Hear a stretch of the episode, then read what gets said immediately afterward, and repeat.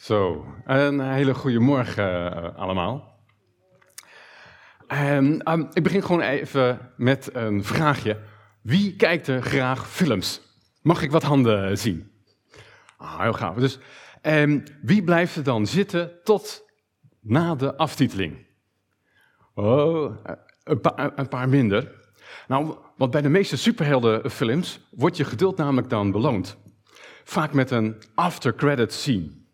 En soms loopt dat uit op een teleurstelling. Voor de kennis uh, Spider-Man Homecoming. Um, maar meestal laten de filmmakers nog net even zien hoe het met een van de personages uh, verder gaat. En vanochtend wil ik jullie meenemen naar de after credits uh, scene.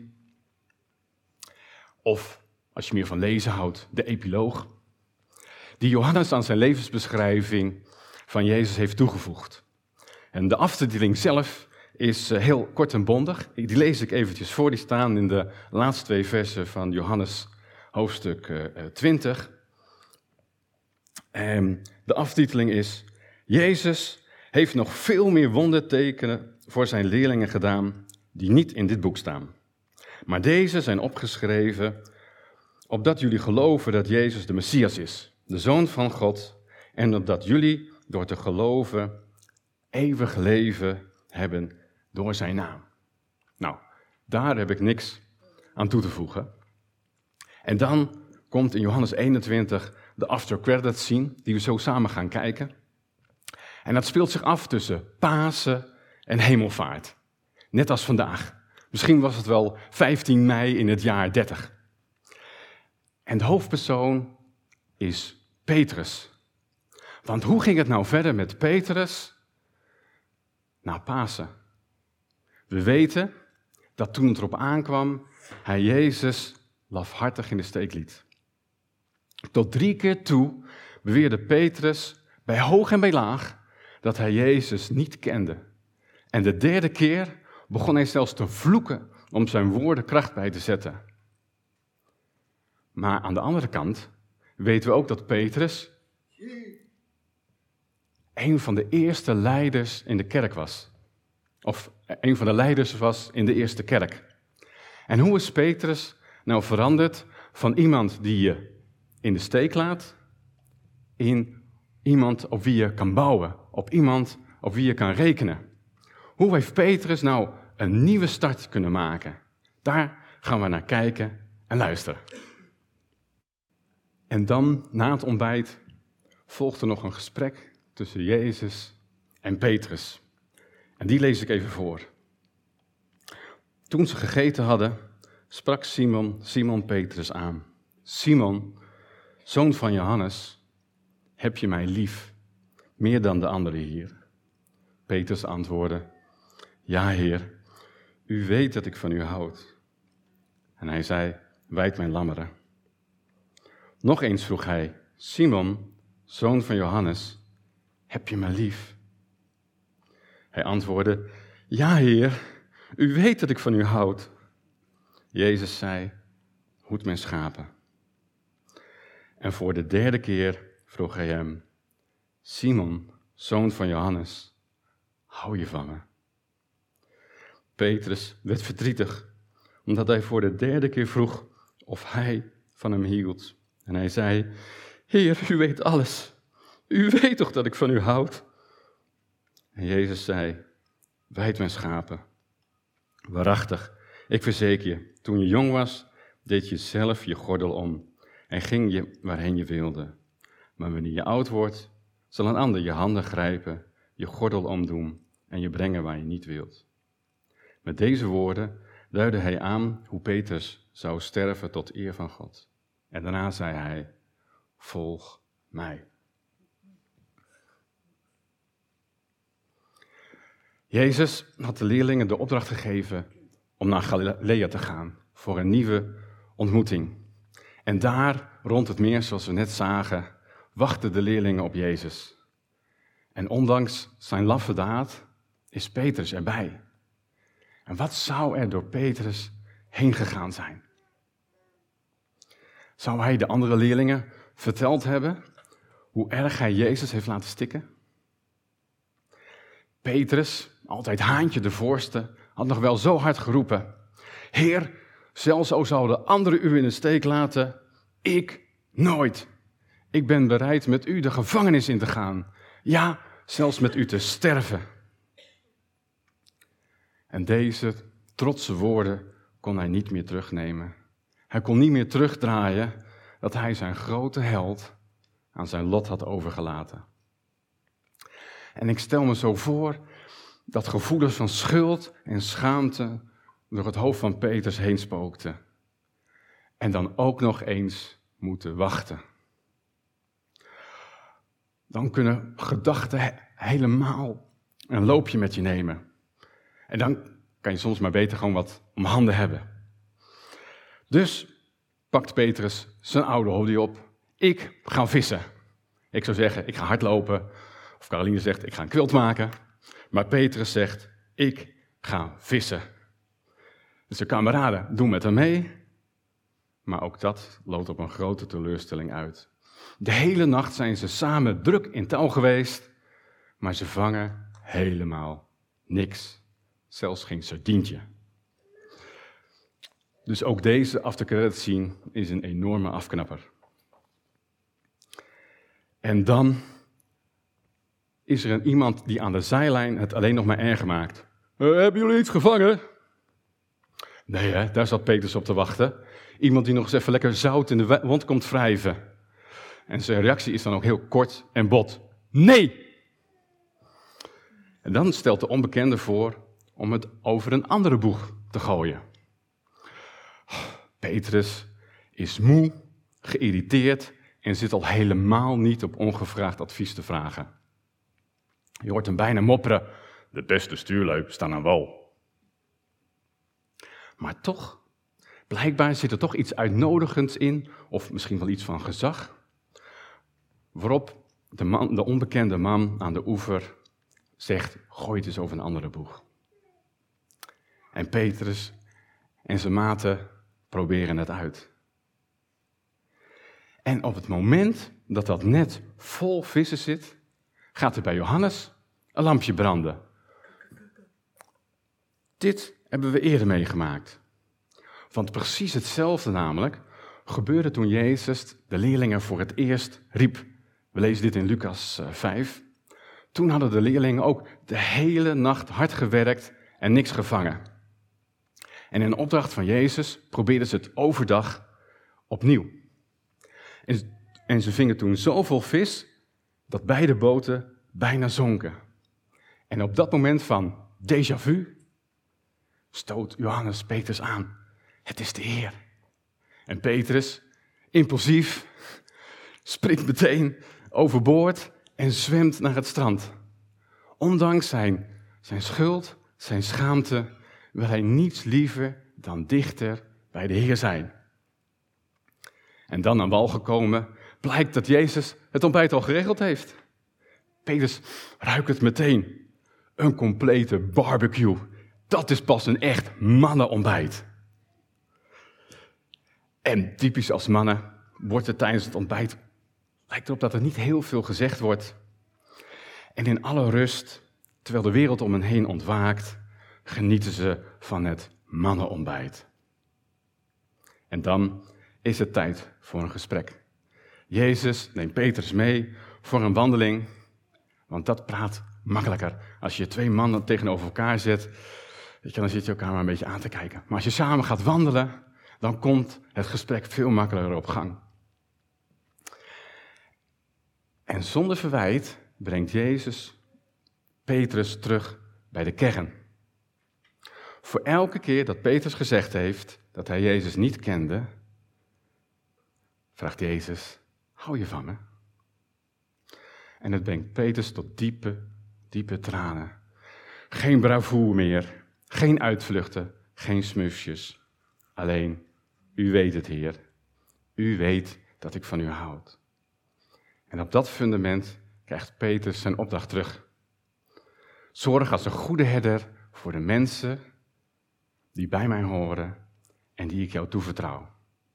En hou je oog op mij gericht. Volg mij.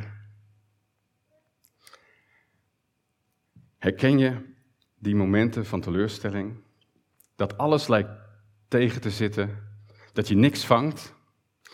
Je, je doet je best, maar op de een of andere manier wil het gewoon niet lukken.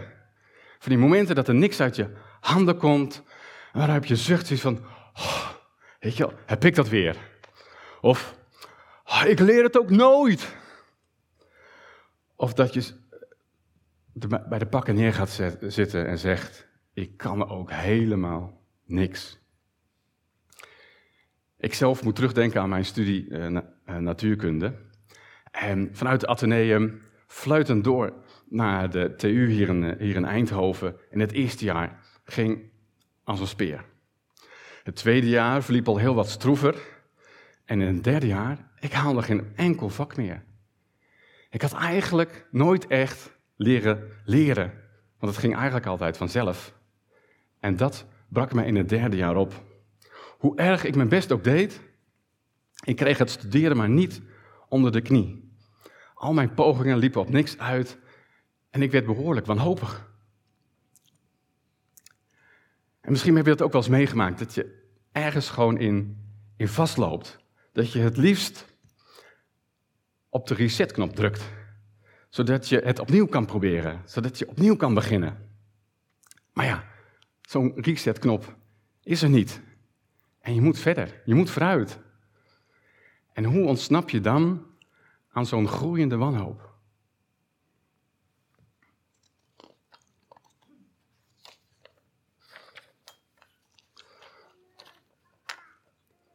Maar misschien heb je ook wel situaties meegemaakt waarin je niet alleen jezelf teleurstelde, maar ook anderen. Misschien niet alleen teleurgesteld hebt, maar ook wel gekwetst hebt. En een van de ergste situaties die ik zelf meegemaakt heb, of beter gezegd veroorzaakt heb, was tijdens een cursus via mijn werk. Ook al waren we allemaal vreemden voor elkaar, er stond een toch een grote openheid in de groep. En een medecursiste nam me in vertrouwen en vertelde iets van de gritzwarte periode die nog vers achter haar lag. En ze, ze zei het niet met zoveel woorden, maar ik vermoedde dat ze op het randje van de zelfdoding had gestaan. En tijdens een oefening om om te gaan met, leren om te gaan met negatieve kritiek, verwoordde ik plomp verloren haar diep duistere gedachten waar ze nog steeds mee worstelde. En toen ontstond de meest pijnlijke stilte die ik ooit heb meegemaakt. Ze stortte te plekken in. Ik probeerde het nog goed te maken, maar daar wilde ze niks meer van, van weten. Ik had haar zo gekwetst. En ze pakt haar spullen en vertrekt. Ondertussen, de trainers raken in paniek. En de groep, terecht, valt over me heen. Hoe haal je het in je hoofd om zoiets te kunnen zeggen? En ik probeer me nog zelf uit te leggen, en, maar hoewel ik stotter, en maar alles wat ik zeg, maakt het alleen maar erger. En ik hoop dat jij het nooit zo bond gemaakt hebt als, als ik.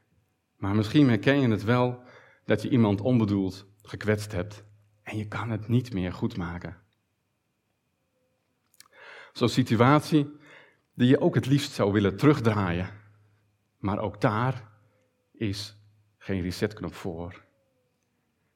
En jij en de ander moeten allebei verder. Maar hoe leer je dan om met jezelf weer in het reinen te komen?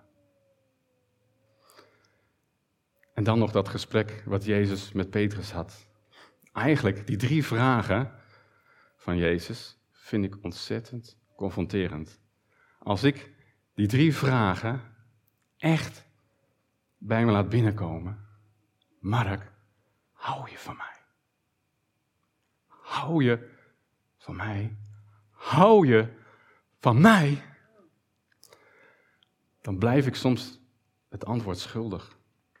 Als het er echt op aan zou komen, als mijn leven op het spel zou staan, zou ik dan nog steeds voor Jezus uit durven komen? Heb ik Jezus meer lief dan mijn eigen leven? Eerlijk gezegd, ik weet het niet. Ik krijg het al Spaans benauwd als de Heer mij zou vragen om mijn baan bij ASML op te geven. Of, ons, of dat we ons huis moeten opgeven. Laat staan mijn leven. En heb je je die vraag ook wel eens aan jezelf gesteld? Hou ik echt van Jezus? Van wie Hij is? Of hou ik meer van wat Jezus doet? Wat Jezus doet voor mij? Ik vind het een spannende vraag. En soms kom ik niet verder. Ik hoop dat ik echt van u houd, Heer. En zou Jezus daar genoeg mee nemen, denk je? Maar dan stel ik eigenlijk een totaal verkeerde vraag. Want zo is Jezus niet. De Heer weegt jou en mijn liefde niet op een weegschaal.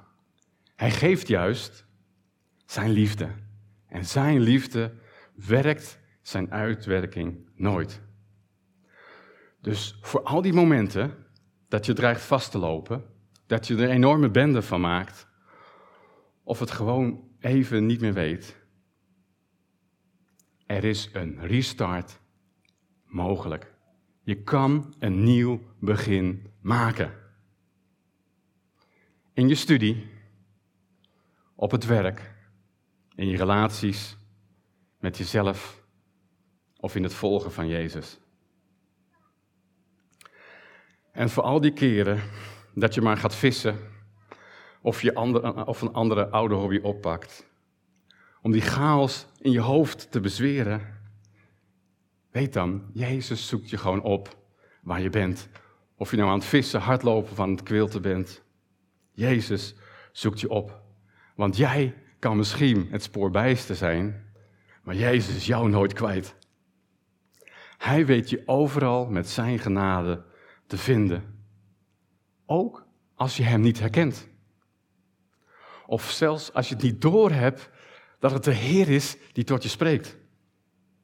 Zijn genade, zijn onverdiende gunst, hangt niet af van jou en mijn inspanningen. Godzijdank.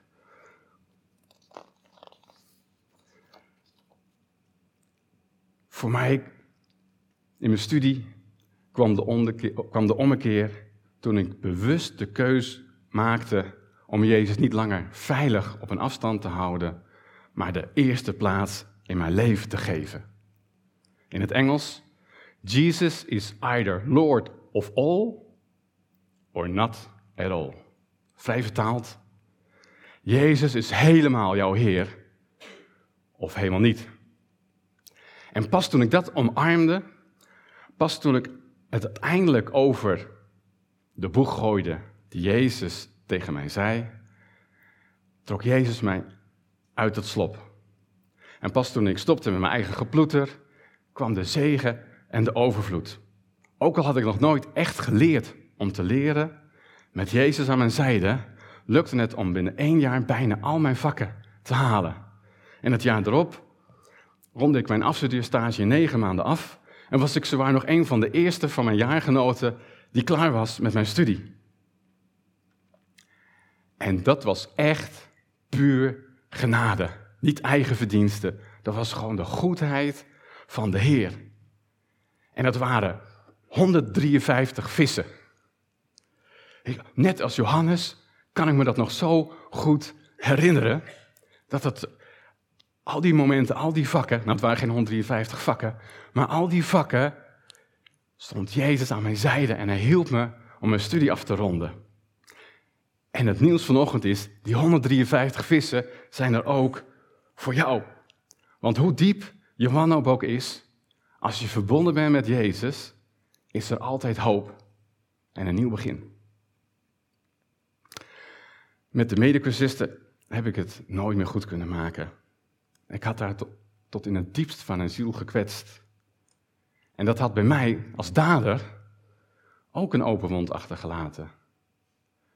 Maar het goede nieuws is, ook voor daders is er Gods genade. Ook voor daders is een nieuw begin beschikbaar.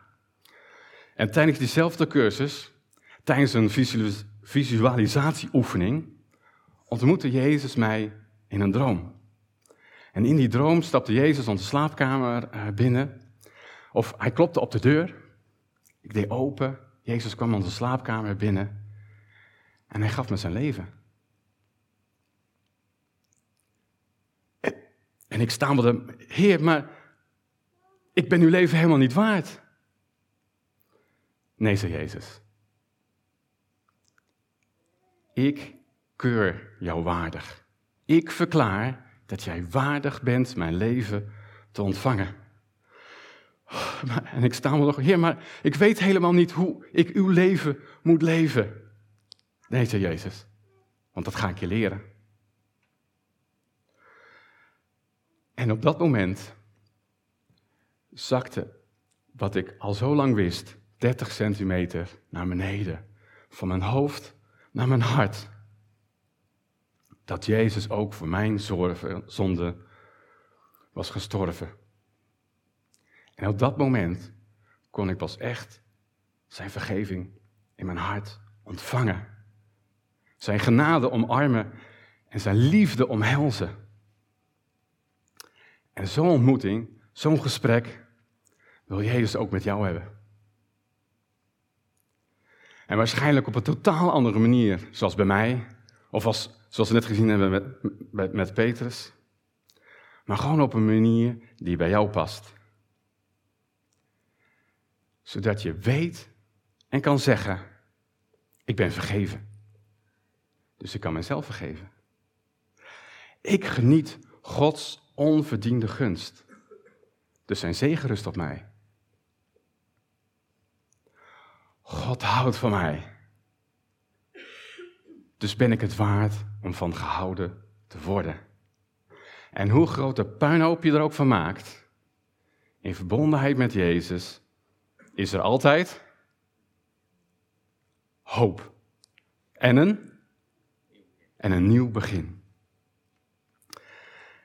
En dan komt er ook rust in het antwoord op de vraag van Jezus: hou je van mij? Want Jezus weet jouw antwoord al lang. Het is precies zoals Petrus zei. U weet alles, Heer. U weet dat ik van u houd. En als je dat weet, geeft je zo'n enorme rust. Want het is namelijk zijn liefde die geen ruimte overlaat voor angst.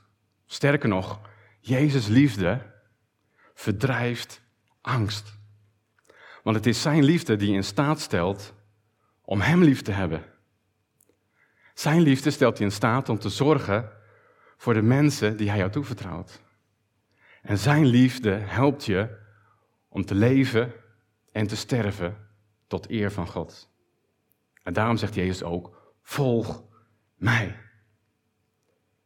Als je naar jezelf kijkt, schiet je altijd tekort.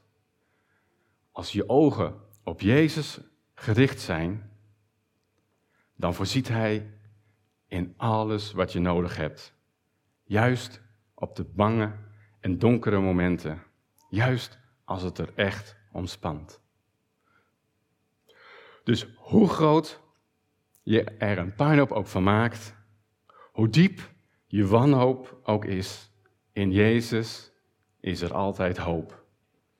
En een nieuw begin, zoveel als jij er nodig hebt.